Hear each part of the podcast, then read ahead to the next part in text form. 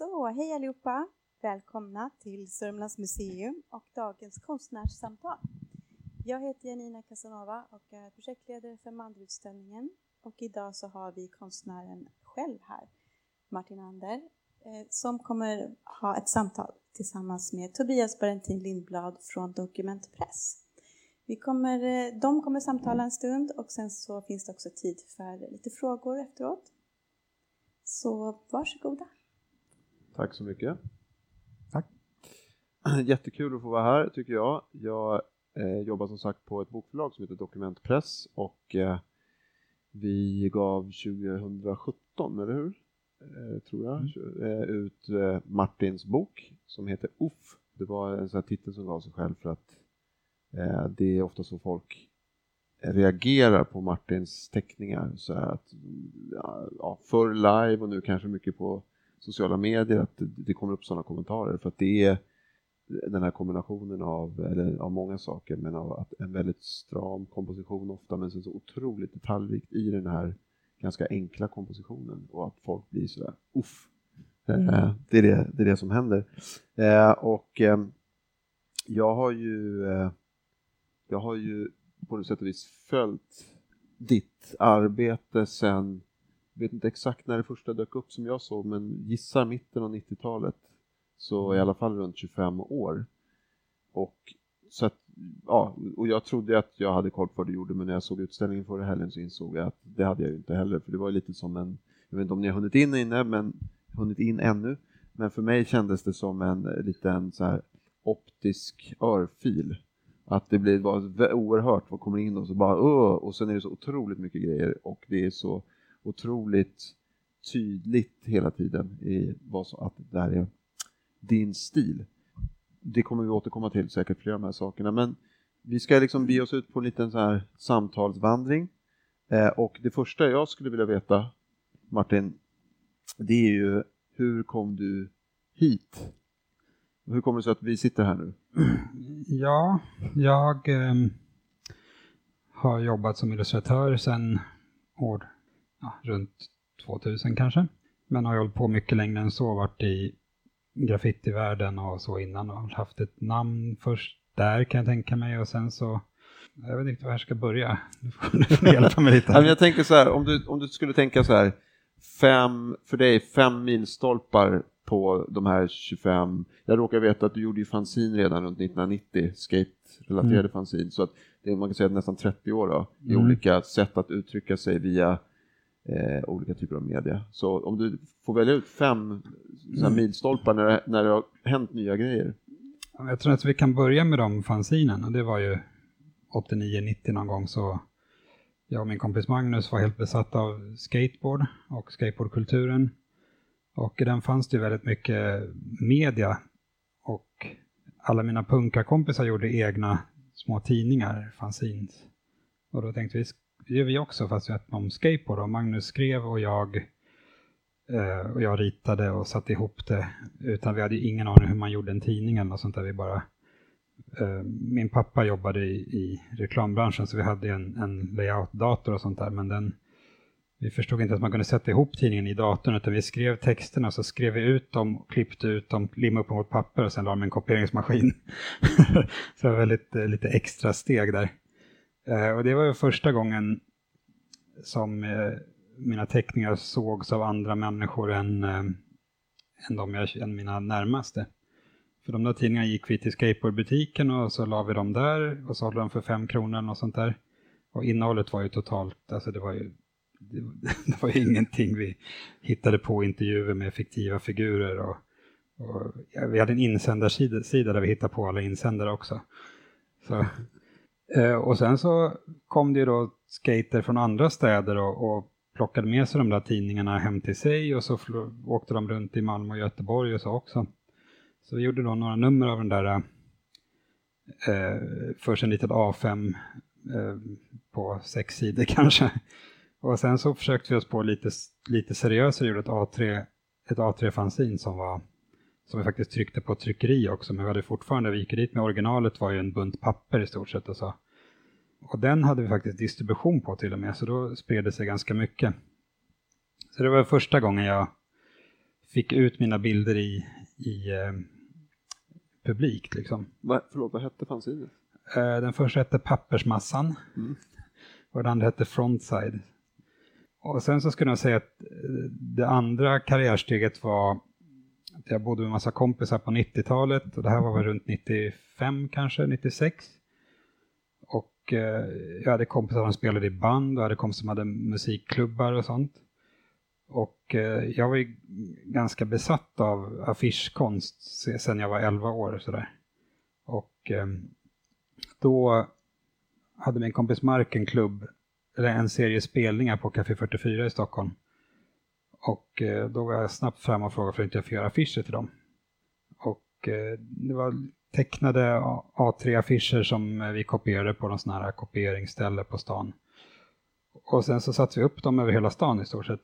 Och det var ju lite en sån eh, aha-upplevelse att bara liksom några dagar senare så kom det fram folk bekanta på stan och sa att de såg affischerna och tyckte de var coola och folk hade plockat ner dem och satt upp hemma och sånt där.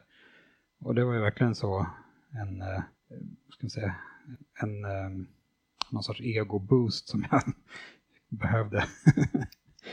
och därifrån så har det bara fortsatt liksom. Jag har alltid bara försökt komma in där jag kan komma in och göra saker. Liksom. Att, eh, det har alltid funnits något behov av att eh, mina bilder ska synas tycker jag. Och jag har alltid velat kombinera liksom, text och bild på ett sätt som passar sig väldigt bra i affischer. Det var två saker. Det var två. Ja, ja nästa steg var ju då fortsatt. Ja, det var ju kanske ganska parallellt då. Dels att jag fick mitt första affischjobb som faktiskt var, jag jobbade på en reklambyrå ett tag, så jag hade, gjorde ju saker som, som blev tryckta på riktigt, fast det var inte mina saker. Men eh, min kompis Linus hade en klubb som hette Bring the Noise. Eh, han frågade för jag ville göra en affisch till dem. Som blev faktiskt tryckt i fyrfärg och satt över hela stan. Och eh, det, det var som förra affisch-egokicken fast ännu mer. och ungefär parallellt med det så delade jag kontor med eh, Karin Dreyer och så Fever Ray som ni har sett utställningen, den eh, skivomslaget där. Och eh, fick eh, göra hennes skivomslag som blev jätte, jättestor. Eller skivan blev jätte, jättestort men eftersom hon aldrig visade sig på bild så alla recensioner och sånt var ju bara bilden, skivomslaget upp i alla tidningar och över hela världen. Liksom. Och då blev det helt plötsligt som att jag gjorde det. Det kändes som jag jobbade på riktigt som illustratör då, kan man säga. Att jag fick liksom mejl från hela världen med folk som hade frågor om skivomslaget och hennes galna fans som ville ha information. Så så då bästa tipset är för en eh, blivande illustratör att teckna åt en hem, alltså en, en artist som inte vill synas i bild. Ja, det kan man säga. Ja, ja kan man säga fler saker? Alltså, ja, sen har ju alltid varit de här olika världarna i den här eh, musik och klubbkulturvärlden och i skateboardvärlden. Så en annan stor milstolpe är väl skateboardgrafiken, att jag började jobba med en av världens största skateboardföretag. Och gjorde väl säkert 20-30 designer om året i fem år eller något till dem. Och de sprids ju liksom, varje bräda trycks upp i tusentals exemplar och åker runt, distribueras ut över hela världen. Så då fick man ju väldigt mycket spridning. I en värld som jag hade väldigt mycket respekt för de andra som gjorde de här sortens bilderna. Och, ja, och då hade ju sociala medier kommit också, så man, man helt plötsligt fick jag kontakt med liksom mina, de som jag hade sett upp till hela mitt liv var ju helt ett, ett klick bort på något sätt. Så då kändes det som man kom med i någon sorts community som gör samma saker i stort sett. Man kunde börja utbyta idéer och erfarenheter. Vad är jag uppe nu? Fyra? Fem, fem kanske? Fem? egentligen. Ja. Oj, oj. Vad är den senaste milstolpen om vi säger så? Eller senare där du har Ja, det är ju självklart den här utställningen. eh, men jag kan ta min första stora utställning var, jag har ju ställt ut lite eh, tidigare men aldrig något liksom riktigt stort och det var ju Teckningsmuseet i Laholm.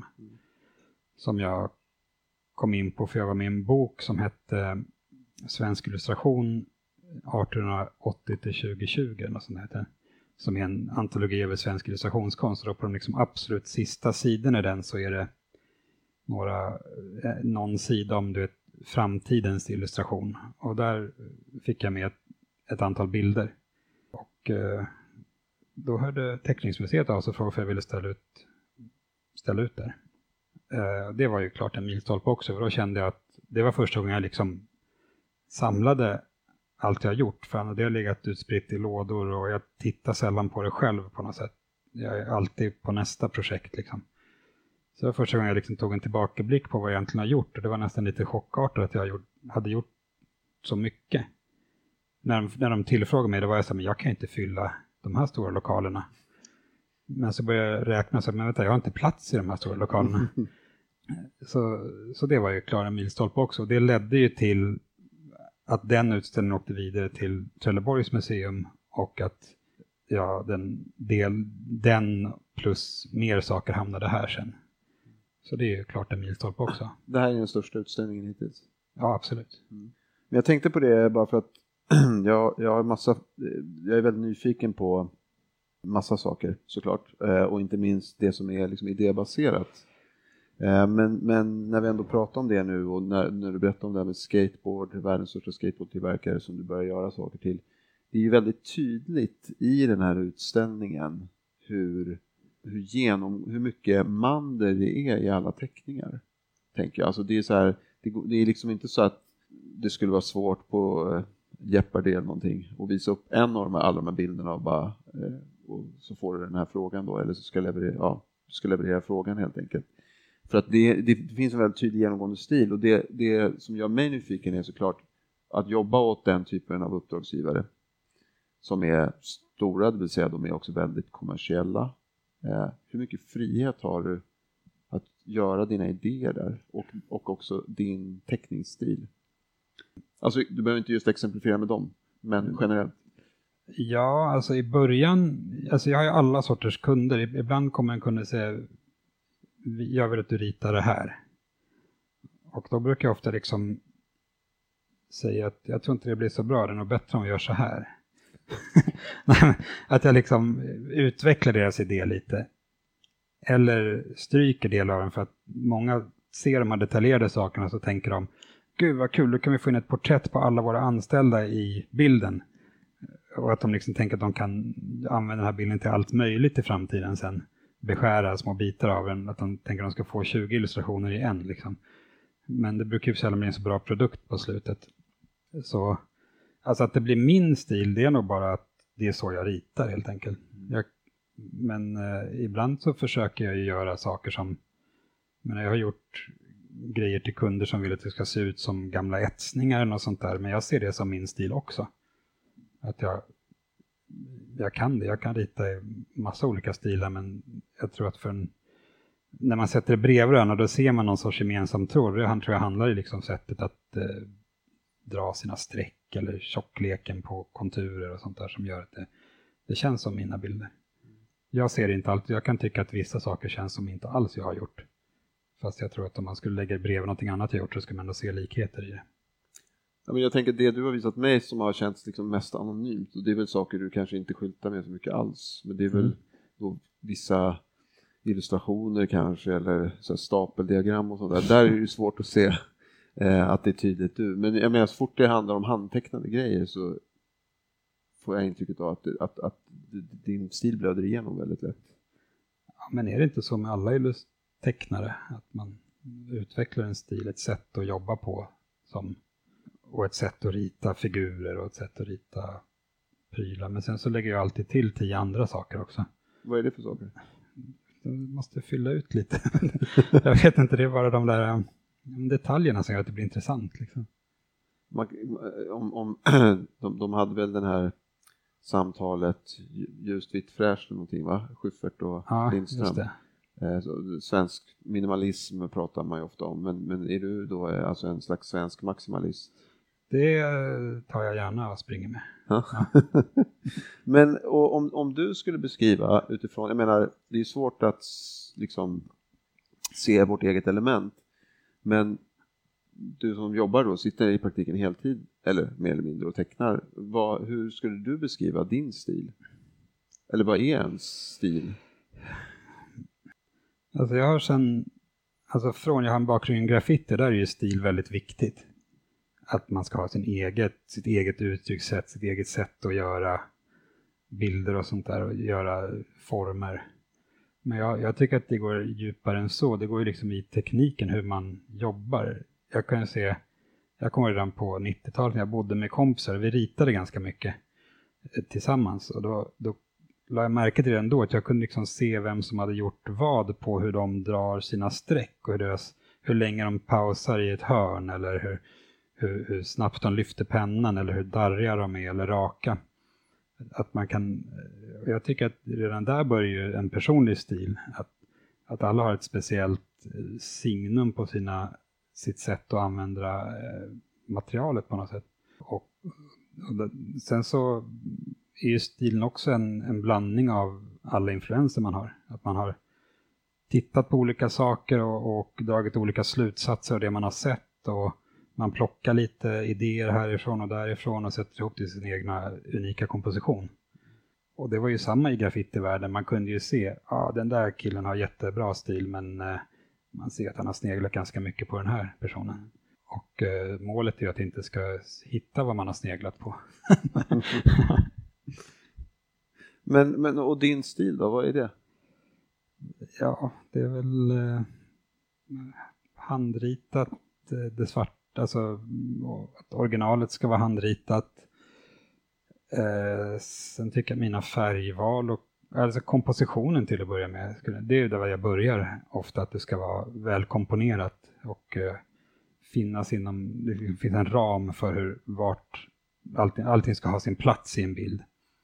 Och sen är det sättet jag använder, alltså mitt val av material jag jobbar med sällan eh, hårda uddar på tuschpennor. Jag tycker att det ska vara liksom mjuka streck som smalnar av lite i slutet. Lite som att det var pensel, men jag har aldrig lärt mig att måla med pensel. Så. Um, och sen då att jag går på med flera lager av ska säga, detaljer och strukturer och sånt efter jag har gjort konturerna. Uh, och sen att jag alltid lägger till massa annat, andra grejer på bilden för att fylla ut, för jag vill liksom att det ska bli jag gillar inte rena ytor. Jag önskar att jag gjorde det, men det blir ofta proppfullt när jag gör saker. Och, ehm, och att det är väldigt mycket referenser till andra saker. Alltså jag, jag har man har så många tankar i huvudet samtidigt när jag ritar så jag liksom vill få in allt och få in en liten historia i varje bild. Men det kanske inte har så mycket med stil att göra, det är med innehållet. Det ska vara lite roligt och lite läskigt. jag vet inte. Men, ja just det, men, men hur, och hur vet du? För jag har ju tänkt på en sak, jag blev aldrig så, jag höll ju också på med graffiti ett tag och jag blev aldrig så särskilt duktig liksom riktigt på ett sätt som jag hade velat kunna bli. Men, men det svåraste kände jag ofta, det var ju så här att inte överarbeta grejer och veta, men nu, bara, nu måste jag släppa, nu är det här klart. Hur vet du när du är, är klar med någonting? Alltså, i mina graffitidagar så överarbetade jag alltid allting. Att jag jag gjorde en jättebra målning och sen så stod jag kvar och väntade på någon, då började jag pilla och sen förstörde jag allting. Men i teckning är det på något sätt att eh, jag bara känner av när det. Jag, ofta är jag ganska planerad redan innan, jag vet, jag vet vad jag ska göra. Och eh, när man väl har tuschat konturerna, då är det på något sätt bara att jobba klart det.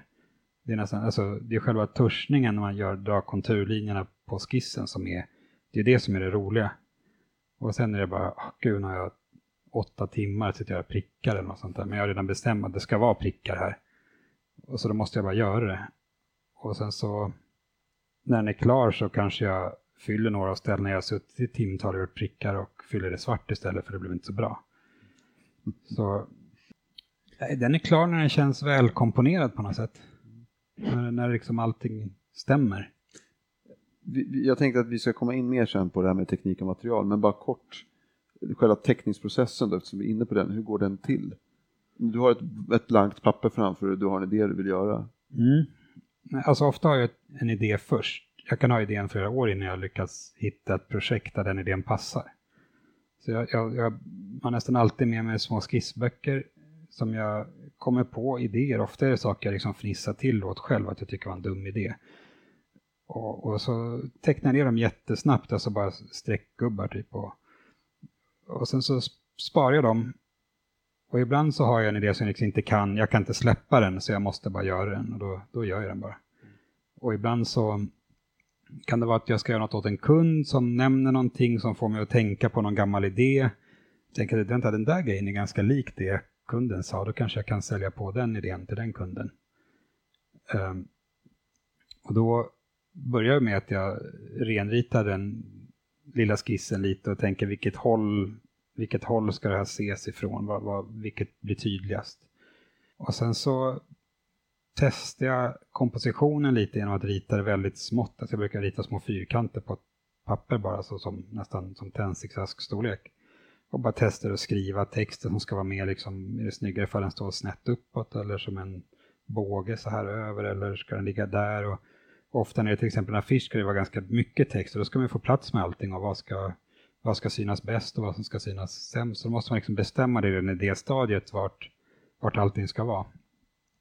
Så du möblerar skissen först på något sätt? Ja, det kan man säga. Och sen så kanske jag ritar vissa saker som ska vara någon figur på, kanske jag skissar den för sig själv. Så, så att den ser schysst ut och sen så skannar jag den och lägger in i min skiss. Och sen har jag fått ihop en ganska bra komposition. Det brukar ofta vara ett collage av flera skisser. Liksom, och, och texten jobbar jag ganska länge med för att den ska bli bra. Då collagear jag ihop alla skisserna och sen så lägger jag det på ett ljusbord och sen så rit, renritar jag skissen med blyerts så jag har liksom bara konturerna i blyerts. Och då kan jag börja, då börjar jag liksom fundera på vad som ska vara mörkt och ljust och, och vad som ska vara helt ifyllt. Eh, och sen när den känns okej, okay, då ibland så, ibland så ser jag, känner jag att det är för mycket detaljer här. Jag kommer inte kunna rita så smått. Och det är problemet med att alltid ha mycket, vill ha med mycket saker, att ibland blir saker så små så jag inte kan rita det. Men det löser jag genom att jag skannar skissen och drar upp den så det blir mycket större. Eh, så då kanske skissen är liksom ett dubbelt A3. Eh, och sen så tejpar jag fast den på baksidan av ett rent ark och så lägger jag det på ljusbordet för jag gillar inte att ha blyerts på där man ska tuscha. Och eh, sen sätter jag mig och tuschar det. Uh, och helst i ett streck. Jag tycker inte om att avbryta den processen riktigt. Där är verkligen, det är där man kommer in i och börjar tänka och då kan jag liksom, om jag har ett, säg en båge på en, eller vad ska jag ett, ett hörn. Det är liksom, det är här liksom själva flytet i linjerna kommer när man har min favoritpenna där och så drar jag så, då kanske jag inte följer det hörnet ändå för det känns mycket skönare att bara svänga ut det lite så lite, lite mer sväng i hörnet. Uh, så där ändras det ju lite, men det är bara det liksom, själva känslan i bilden ändras där. Jag kan liksom bestämma lite mer riktningar och vilket håll man drar strecket åt. Jag ger olika, ger olika sätt, riktning i bilden och sånt där. Eh, och sen har jag dragit alla konturerna och det känns schysst. Då är jag missnöjd med något och ritar om allting. Förlåt, hur lång tid tog den där processen först med tuschningen? Ja, kanske åtta timmar eller något sånt. Ja, jag vet, det är dumt. Eh, eh, ja, men i alla fall, när jag har ett bra skissning, då, då brukar jag fylla allt som ska vara svart, fyller jag svart. Och det har jag fått från eh, en tecknare som heter Wally Wood, en gammal klassisk eh, serietecknare. Jag läste en bok om honom och han skrev Först ritar man alla konturer, sen fyller man allt som ska vara svart, svart, sen fyller man lite saker som inte ska vara svart, svart också. Eh, och det, det tyckte jag lät jättesmart, så jag gjorde det. Och sen när jag har hittat en bra komposition mellan det svarta och det ljusa, då går jag på med gråskalor. Då gör jag de här toningarna med liksom renderingar och eh, crosshatching och, och, alla prickar och, och försöker hitta att all, alla ytor ska ha olika strukturer som jag gör med smalare pennor. Och vi pratar hela tiden här om en eh, fysisk teckningsprocess på papper med penna. Mm. In, ingenting i dator eller tillägg? Uh, inte i det tillfället, men i, ja, in, i skisstillfället brukar jag kunna, om jag gör en jättebra figur eller något sånt där som är för, uh, för liten eller för stor så brukar jag skanna den och ändra storleken på skissen. Så det är så min, mitt, min skiss är ett collage av massa skisser som ligger i datorn. Liksom. Sen skriver jag ut den och tuschar av den. Och efter bilden ser bra ut i gråskala, om det ska vara en gråskalebild så är jag klar. Men om det ska vara i färg så skannar jag hela den. Och jag har ingen sån här, och det är ofta ett original som är stort som jag har sett på, på utställningen. men då eh, brukar jag Ska, jag, jag, har ingen liksom fin storbildsskanner. och sånt. jag skannar alltid en vanlig A4-skanner i små bitar så klistrar jag ihop det i datorn. Och därefter så letar jag upp en färgskala jag tycker passar. Ofta ganska begränsad, jag tycker om att ha kanske fem, sex färger som är huvudfärgerna i bilden. Sen gör jag en ljusare variant av den och en mörkare variant av dem. Så att jag har en ganska begränsad skala och det handlar om att i de värdena jag har gillat, alltså affischkonst som då förr i tiden var screentryckt, vilket gör att man har en begränsning på hur många färger man vill använda. Eller man kan använda för att det blir dyrare för varje färg. I skateboardvärlden har vi alltid haft högst sju färger. Eh, för att företagen inte vill betala för fler screenramar. Så allt jag har gillat har alltid haft en ganska begränsad färgskala och rena ytor, rena färger. Jag gör ju sällan toningar till exempel. Eh, och det har ju att göra med att jag vill att det ska se ut som saker jag växt upp med. Liksom. Och då färglägger jag allting i, i datorn. Mm, och jag tar bort allt ludd och sånt där. Jag tycker inte om när man har... När man skannar en, ett svart streck då blir det liksom så små ludd, lite ludd runt strecken. Det, det gillar jag inte, det tar jag bort. Jag vill att det ska vara helt cleant. Ehm, så färglägga det. Ehm, ofta testa lite vad passar bäst och det, oj det var för mycket gult här uppe, då måste jag byta färg på någonting och sånt där. Ehm, och sen så tänker jag ibland att det saknas någonting som sticker ut. Liksom. Så då brukar jag kanske lägga till lite litet wildcard, en, en färg som inte alls hör ihop med min, min ganska strikta färgskala som sticker ut lite ur den för att få lite, det ska bli lite intressantare. Det är oftast en orange eller en rosa eller något sånt där som poppar lite. Och de färgtilläggen gör du i datorn? Mm. Mm. Vad är det som gör att du hellre tecknar för hand än på, på eh, vad heter det, ja, skärm? Eller? Eh, alltså jag har ju tecknat en del på skärm, särskilt när jag jobbar med under väldigt korta deadlines och sånt där. Ofta att jag gör korrekturer på om jag har en handritad affisch och så säger de du, vi har bytt datum på den här grejen. Då ritar jag bara direkt i datorn bytet. Men eh, anledningen till att rita för hand är ju för att det är, det är själlöst att rita på dator. På vilket sätt då? Ja, men just det jag pratade om förut, jag kunde se alla mina kompisars streck. Vilket streck vem har ritat. En data är ju liksom ett datagenererat streck så att alla streck är lika, det är liksom samma penseldrag om och om och olika långt. Nu för tiden har det kommit bättre program som, som varierar lite men när jag började rita, testa digitalt så var det verkligen det var ingen, och plus att man kan gå tillbaka, du drar det fel är det bara ändra, ångra och ändra.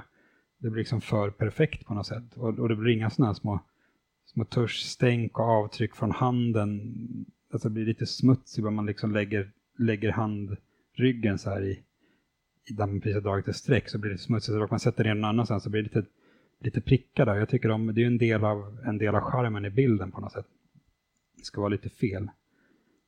Uh, och plus, ja, men jag, ser, jag tittar jättemycket på teckning. Jag ser ju till exempel serietecknare där nästan alla gått över digitalt. Det blir ju tråkigare bara. Det blir alldeles för rent och man kan zooma hur mycket som helst. Du kan gå in på, du kan verkligen pilla ut detaljerna så bra så att det eh, så att allting blir perfekt. Jag, vill inte att det ska vara perfekt, utan jag vill att det ska vara perfekt, men ska, man ska veta att det är perfekt för att jag är grym. liksom. du, eh, jag tänkte det här med idéer och, och liksom sådär som vi var inne lite på förut som, lite som vi började där med när jag frågade dig om några milstolpar. Du pratade om inspiration förut. Mm. Eh, finns det några, om du ser tillbaka på de liksom 30 åren du har hållit på, det finns några särskilt tydliga inspirationer eller influenser under de här åren som, som du har varit, som du på något sätt har bearbetat eller, eller ja, sneglat på eller på ett eller annat sätt? Mm. Uh, ja, absolut. Allt, alla de grejerna är i stort sett samma år. Alltså jag hittade all, allting som jag... Eh, så jag växte upp med vanliga serietidningar som många gjorde i, i min generation. Alltså Kalanka och sånt där. 91 Knasen och så vidare. Allt, ja, mm. precis. Eh, och jag tyckte det var jätteroligt med roliga figurer och sånt där. Men sen så hittade jag en låda. Min pappa hade dels en låda med serier som inte jag fick läsa. Eh, så sådana här eh, Epics och Pox och sådana lite mer underground-serier. Och man hittade dem och liksom förstod så att det här är liksom teckningar som för det första är mycket skickligare ritade än, än de här eh, Kalanka. Alltså de är också jättebra ritade, alla sådana klassiska serier är ju superskickliga, men det här var det på något sätt lite ett konstnärligt uttryck och att det var lite farligt och man visste att det här var någonting för vuxna som inte man får läsa. Det gjorde det ju väldigt mycket mer intressant. men eh, och sen så var det väl, alltså jag hade ju redan, alltså det var i samma år då, 1987, så köpte jag boken Subway Art som är en graffiti, graffiti-bibeln kan man säga. Eh, och det var ju liksom sådär, wow, här är ju som, som serier, fast jag förstår inte. Men det är typ det häftigaste jag har sett i hela mitt liv. Och det är barn som har gjort det. Man såg ju bilderna i den att de som höll på, de som målade graffiti i New York på 70 och tidigt 80-tal, de var ju under 15 år allihopa. Så det var ju min, liksom folk i min ålder som bara gjorde de här fantastiska stora bilderna, jättemycket färger och, och de var ju också att de, hade, de gjorde texter som hade lika mycket uttryck som, som en hel bild kan ha. Liksom. Man verkligen förstod, man kunde tänka sig, man såg något, något namn så kunde man tänka sig så här, ja den här personen måste vara så här. Alltså, och i samma år så, så var jag inne i en skateboardaffär första gången i mitt liv och såg en vägg full med, alltså skateboard var typ det coolaste jag visste när jag var liten. Och så kom jag in i en skateboardaffär i, i Los Angeles och såg att det var liksom, alla väggarna var bara täckta med skateboard som var det häftiga som fanns. Men på dem var det tryckt de coolaste bilderna jag sett i hela mitt liv. Och det var ju också så, det här ska jag göra någon gång. Det var, det var så coolt så jag vet jag, jag höll på att svimma. och även att jag upptäckte då i samma veva också, den här 60-talets affischkonst. Eh, det var för jag köpte en bok av en tecknare som heter Rick Griffin på någon sån här ja, konstdelen på någon mässa, har jag för mig. Och, liksom, och det, var som, det var som graffiti och det var som skateboardkonst fast det var ännu konstigare. Det gick inte så läsa de här texterna men ändå förstod man precis att det var något superhäftigt. Och det var så otroligt skickligt tecknat så att man jag tror inte man kunde rita så bra liksom. Ja, och samma sak då med de här underground-serierna. Sen efter jag hade sett de där Pix och Pox så hittade jag de svenska. Alltså Joakim Pirinen och sådana där som också var, det är serier men de är helt galna. Det var ju jätteroligt. Så allt det är väl liksom det som har kombination av de här sakerna. Och sen har jag gått vidare och forskat vidare på vad finns det mer som det här? Och så hittar man liksom nyare eller amerikanska undergroundserier och franska undergroundserier Och och surfkonst från skatekonsten och hot rod-konst. Alltså allt, alltså subkulturella uttryck som har täckning i sig. Eh, och allt det har jag liksom stoppat in här och sen så kommer, kommer ut här. Kommer jag hit. Ja, precis. ja. Vad är, vad är ditt, om, om du vill dela med dig av, vad är ditt senaste sådär stora eh, inspirationsfynd? Är det något nytt som du har snubblat över på sistone? Som du... Jag hittade en tecknare som jag inte, jag hittade en tecknare igår, men jag kommer inte ihåg vad han hette. Det var någon sån Instagram-profil bara som jag fick upp i något feed och bara, gud, det här är typ det skickligaste jag har sett i mitt liv. Eh, men han hade något sånt där jättelångt konstigt namn och jag hittade inget riktigt namn på honom, eller det var bara en, en, ett alias liksom. Eh, men det senaste var också så jag som jag, det, det, är en bild, en teckning jag har sett. Jag känner igen bilden, att jag har sett dem flera gånger, men jag fick reda på vem som hade gjort den för något år sedan kanske. Det är Paul Kirchner. Som jag, så, jag, så fort jag fick reda på vem som hade gjort de där bilderna jag kände igen så, så kollade jag ifall det fanns någon bok om honom och köpte den direkt. Det var också väldigt inspirerande att se. Eh, otroligt skicklig tecknare.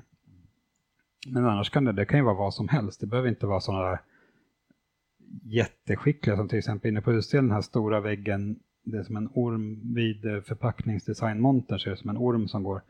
Inspirationen för den var, jag var på Nationalmuseum och så bara såg jag en sån gammal, gammal tavla innan de kunde rita perspektiv. Du vet, så att det, bara, det är som kulisser, att det är kullar som kommer upp så här bakom varandra bara som är lika stora. Och jag tänkte, oh, vilken bra idé, det ska jag sno. Och så gjorde jag den bilden. Jag gjorde lite kullar och så gjorde jag en orm som slingrade sig runt dem. Eh, så det kan vara vad som helst. Apropå det där med, med sno, eh, var, liksom, var går gränsen mellan inspiration och att vara lite för inspirerad? Alltså inspiration är ju något som alla har och alla, det finns ingen som bara har en idé som kommer från ingenstans och bara gör det. Eh, men det är väl där någonstans när när man ser direkt vem som har, var man har fått idén ifrån. Och när man ser att någon bara har en idé. Alltså man, man måste göra en kombination av massa idéer för att det ska bli intressant. Och sen efter ett tag så har man ju på något sätt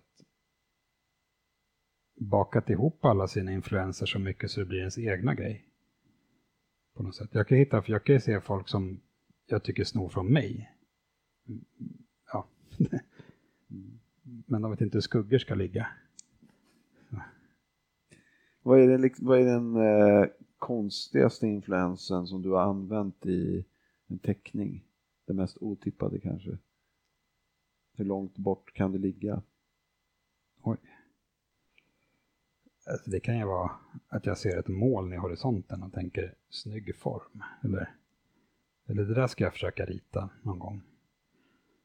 Eller bara någon känsla man vill förmedla. Eller... Ja, det är inte så mycket konstiga saker. Alltså jag, vet, jag kan inte komma på något på rak hand. Och, och du, du berättade lite grann förut om det här med, eh, med lite grann hur du utvecklar idéer och sådär. Men jag tänker eh, eh, rent konkret, om jag till exempel kommer till dig och säger nu att så, ja, men, eh, jag skulle vilja att du gjorde till exempel en affisch för det här och det här. Och, vad gör du då? Går du, eh, tar du liksom, dricker massa kaffe eh, eller lägger, liksom, sticker ut och springer eller går sätter du och bläddrar i dina anteckningsböcker för att hitta idéer eller liksom, hur går det till? Jag ofta så säger jag att jag har inte tid just nu, kan vi ta det om en vecka? Mm. Och under den veckan så går jag och tänker på det här så att när vi hörs nästa gång så har jag redan en färdig idé nästan. Uh, och jag brukar, om det är någonting jag inte känner till eller att jag jobbar med en artist, jag inte har någon, jag vet inte vad de är för något ens eller vad de gillar för grejer, så brukar jag be dem lista saker de gillar. För att jag ska få en, någon form av, alltså ofta är det den dialogen med kunden man liksom, idéerna kommer fram, att de börjar nämna att de tyckte någonting var häftigt och då drar jag en referens till någonting annat och så föreslår jag någonting liknande eller något som jag tror att de ska gilla eller något sånt där. Så, så det är ofta eh, någon form av eh, i någon form av dialog eller någon mejlkonversation så kan jag liksom så kommer idéer av att jag ser vad de hur de är på något sätt. Liksom. Du intervjuar dem kan man säga helt enkelt? Ja, eller väldigt enkelt. Jag brukar, när man gjorde ett, ett skivomslag som är med på utställningen, då bad jag, det var ett band jag aldrig hört talas om, men då bad jag dem skicka en lista på sina favoritfilmer, sina favoritskivomslag, sina favoritprylar. Så skulle jag liksom, så jag kunde på något sätt få en uppfattning om vad, vad, de, var för, vad de hade för smak. Liksom. Och bara genom att läsa det så blev min bild någon sorts blandning av alla de här sakerna fast min tolkning av det på något sätt. Och de var jättenöjda. Och var så här, det var inte alls vad vi hade tänkt oss men det är jättebra. Det är ett ganska bra sätt tycker jag att jobba. Alltså så att, jag menar i, i, i, liksom i en slags reklam eller PR-bransch så man kunna säga då att du gör liksom ganska många saker i ett, antar jag. Du, det är inte bara att du tecknar utan du måste också förhålla dig lite grann till innehåll och liksom vad, hur kunden vill bli framställd egentligen. Mm. Absolut. Eh, det är väl som, jag är lite som en hel reklambyrå i mig själv. Men de vill ju också, alltså bara, bara att de väljer mig känns ju att de har en, i alla fall nu för tiden, så att de har en aning om vad jag gör.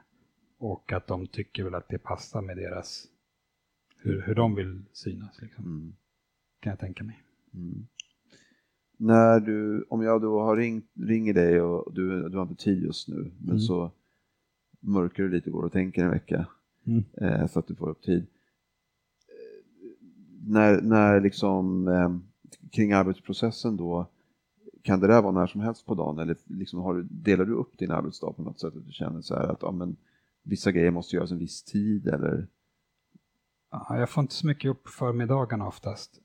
Um, för då sitter jag och skissar på egna projekt. Eller jag liksom har, alltså visst, jag, jag svarar på mejl och så. Alltså det är ganska mycket administrativt i ens yrke också. Liksom, att jag bara sitter och mejlar och eh, pratar med folk och går på konferenser och sånt där. Eh, men, men jag tycker om att skissa någon gång lite för sent på eftermiddagen för att man ska hinna klart det ganska bra att men jag brukar komma igång där runt, två någon gång, då är jag, då är jag kreativ och skissa, skissa gärna i det där. Tuscha gör jag helst eh, på kvällen och på natten. För att man liksom, då blir man inte störd på något sätt, det är ingen som ringer och då kan man sitta så länge man behöver. Men på senare år har jag blivit bättre på att fördela min arbetstid så jag inte sitter och ritar hela nätterna. För det förstör ju resten av veckan oftast då. Kan du göra annat samtidigt som du till exempel just tuschar? Låter lite som att det blir ett mekaniskt eller hand, handarbete liksom. Ja, jag brukar alltid ha på någon sorts podcast eller jag har till och med haft på filmer fast jag inte ens har jag tittar inte på det, jag bara lyssnar på det. Men, eh, eller musik. Men jag gör inte liksom, vad skulle det vara? Jag vet, jag, jag vet inte. Spela fotboll. ja, den, det sägs att Siri Darkert ju eh, tecknade, alltså det är mycket prat, eller så här, det är mycket prat om, om folk som får idéer när de går. Mm. Kierkegaard till exempel, där jag har gått flera timmar varje dag i Köpenhamn liksom, och fick sina bästa idéer när han gick och sådär. Men det, jag vet av egen erfarenhet att det är ganska svårt, när jag väl kommer hem har jag glömt hälften av de där bra idéerna jag fick när jag gick. Men det är därför man hamnar små skissböckerna. Exakt, men vad Siri Derkert gjorde var att hon på något sätt satte upp en ritplatta på cykeln, så hon cyklade och ritade samtidigt. Jag vet inte exakt var det här ägde rum, om det var liksom på eh, rusningstrafik på Hornsgatan eller mer landsvägar. Intressant. Ja, nej det har jag inga planer på att När ni, göra. när ni åker till Gnesta nästa gång så kommer ni se en så här förvirrad konstnär komma cyklande med ritplatta. Så här vinglar fram. nej, nej, det, nej, jag brukar, idéer får jag hela tiden, det spelar ingen roll när man får dem. Eller. Mm. Eh, nu sitter vi ju här och pratar Mm. och det innebär ju att, och du har en ut, egen utställning här, och det innebär ju att du är faktiskt etablerad. Mm. När insåg du att du var etablerad? Jag har inte insett det än tror jag. När inser man det då? Vad är det som krävs? Jag vet inte. Det... Jag vet inte. Alltså det är så här, jag har alltid så här, sett upp till tecknare jätte, jättemycket. Och eh, jag, jag vet inte, jag, jag håller dem så högt så jag känner att jag aldrig kommer känna mig etablerad på något sätt. Det finns alltid någon som gör något coolare Mm. eller bättre. Men å andra sidan är det inte många som det är inte många som har haft en sån här utställning på ett museum som är superpåkostad.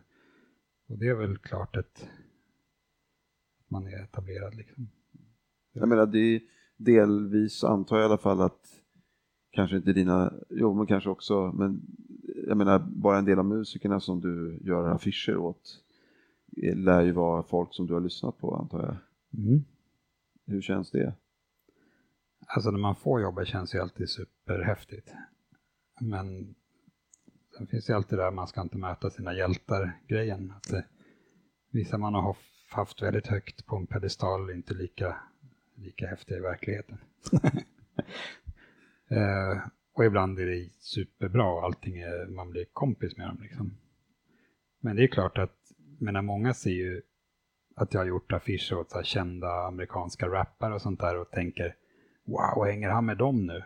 Men det är väldigt ofta jag aldrig ens har träffat eller pratat med artisten. Till exempel Håkan Hellström som jag jobbade med i två år, jag har aldrig träffat honom eller pratat med honom någonsin. Det är bara genom ett management liksom. Och, Så, och de här skateboard, många skateboardgrejer jag har gjort är ju, liksom världens kändaste skateboardåkare har gjort säkert 20 proffsmodeller åt samma åkare. Men jag har aldrig haft någon kontakt med dem överhuvudtaget. Jag har aldrig hört någon feedback eller någonting. Men de få gånger det har hänt att jag har fått feedback är det väldigt kul att höra att man får något mess på sociala medier, att de gillade grafiken eller något sånt där. Så jag vet inte vad man ska säga om det. jag sa det just. Du, eh, avslutningsvis, du sa förut att, att du gärna på förmiddagen håller på med egna projekt. Mm. Då blir jag i alla fall nyfiken. Vad är det, vad är det för grejer du undanhåller eh, offentligheten? Det är sådana här små skisser som jag plockar fram sen och, och gör någonting av. Alltså du, du är helt enkelt en slags förberedelsearbete, du, du, du sår en idébank för ja, senare. det kan man säga. Det är inte så att du håller på med något som kommer poppa upp här om ett halvår? Nej, det gör jag inte. Jag har sällan, jag har väldigt många idéer på saker jag skulle vilja poppa upp här om ett halvår, men jag har, jag har inte tid med sånt. Nej. Uh, nej, men oftast är det att jag bara har någon idé jag vill göra och så, så skissar jag upp den ordentligt eller att jag antecknar saker och. En massa papper, ofta slänger jag de papperna sen. Det är liksom jag, det är ganska stökigt skrivbord och det ligger en massa papper där som jag antecknar saker på och ritar små idéer och sen så när jag städar så slänger jag allt det bara. Det är inte så viktigt. Men det är ganska viktigt för mitt jobb att uh, bearbeta de sakerna så jag kan plocka upp dem sen på något sätt när, när jag behöver dem. Mm, såklart. Sköta sitt trädgårdsland. Mm. Mm. Om eh, ni har frågor och funderingar, vilket jag hoppas, så eh, har Janina en mick som passas runt. Så känn er fria och fråga. Hej! Hej! Eh, om du någon gång har känt att nu kan jag inte rita mer, alltså en period där du haft verkligen som drawers block, typ som författare kan ha. Har du haft det? Eh, det har Och aldrig vad har du då i så fall gjort? Du har inte haft det Det har aldrig någonsin? hänt. Nej, jag, det, det finns alltid. Mm, vart kommer det ifrån då? Ja, jag vet inte. Det, är, det, jag vet inte. Det, är bara, det, det är liksom... eh, Det kanske just är att jag samlar på idéer och sånt där hela tiden. Att jag kan plocka fram det om jag behöver det. Och jag är alltid sugen på att rita också. Jag har aldrig känt sådär, nej gud ska jag behöva sätta mig och rita nu igen. Utan det, det är liksom, det är bara att göra. Tjena. Hej! Ehm, det känns ju som att du har gjort många av de där drömprojekten som du kanske önskade göra. Eh, skateboards och Håkan Hellström. lite nyfiken på vad är liksom, har du något sånt drömprojekt som du inte har fått göra?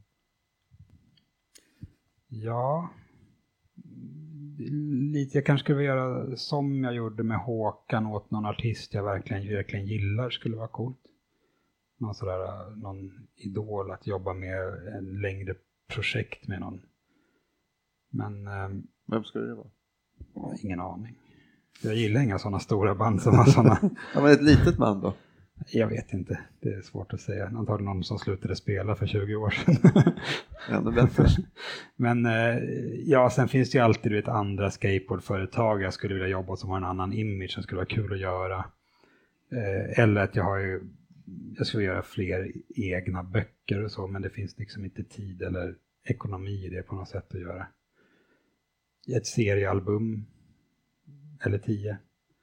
Men det är också så, det, det, jag har liksom räknat på det, så här, jag vill göra ett seriealbum och så tänker jag att det här är ju tre års jobb och, och man får ju ingenting för det. Det, det är helt eh, ekonomiskt omöjligt för mig att göra i det här stadiet. Det där är något man måste börja med liksom när, man är, när man är ung och sen för anpassa sitt liv efter det på något sätt, vilket gör att jag har väldigt stor respekt för serietecknare.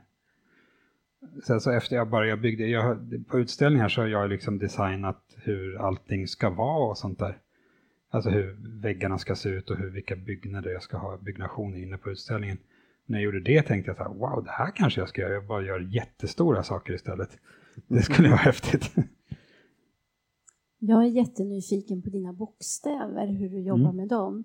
eh, inte så mycket de här där det står Sörmlands museum och så, utan Mm. när du fyller eh, innanför konturerna. Mm. I utställningen finns det ganska mycket sånt. Hur Mm. jobbar du fram det?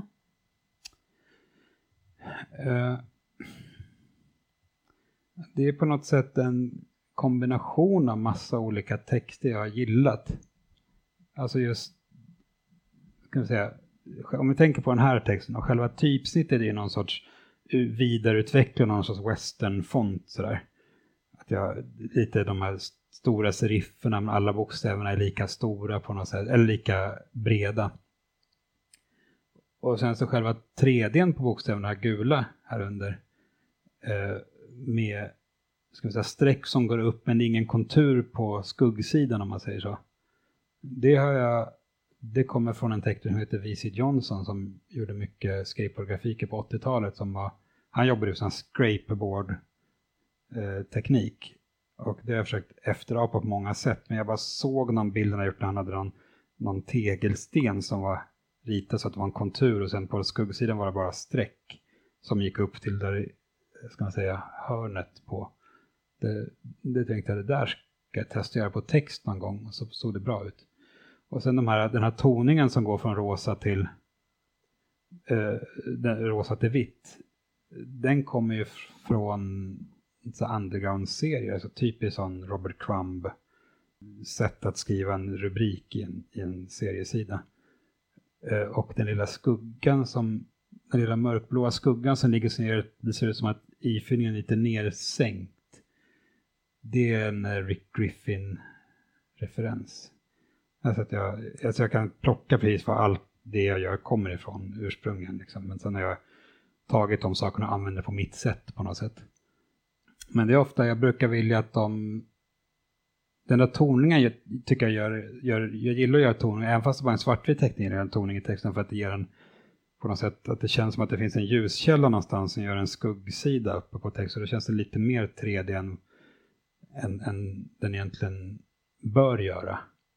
Och sen att jag gillar att 3D inte funkar, alltså jag menar den här, att en text, varje bokstav är ju 3D i sig, men eftersom de går i ett ark så, så, så fungerar ju inte den 3D, Men jag gillar det när det blir lite fel i, i det rent visuellt som gör att det blir lite, det sticker lite på något sätt i ögonen, det blir lite krångligt att titta på.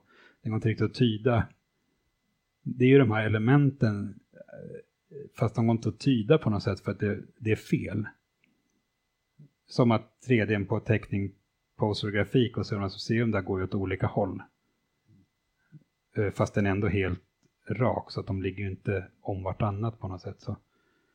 Jag tycker bara att det är lite roligt att det ska bli lite skav när man tittar på sakerna. Liksom.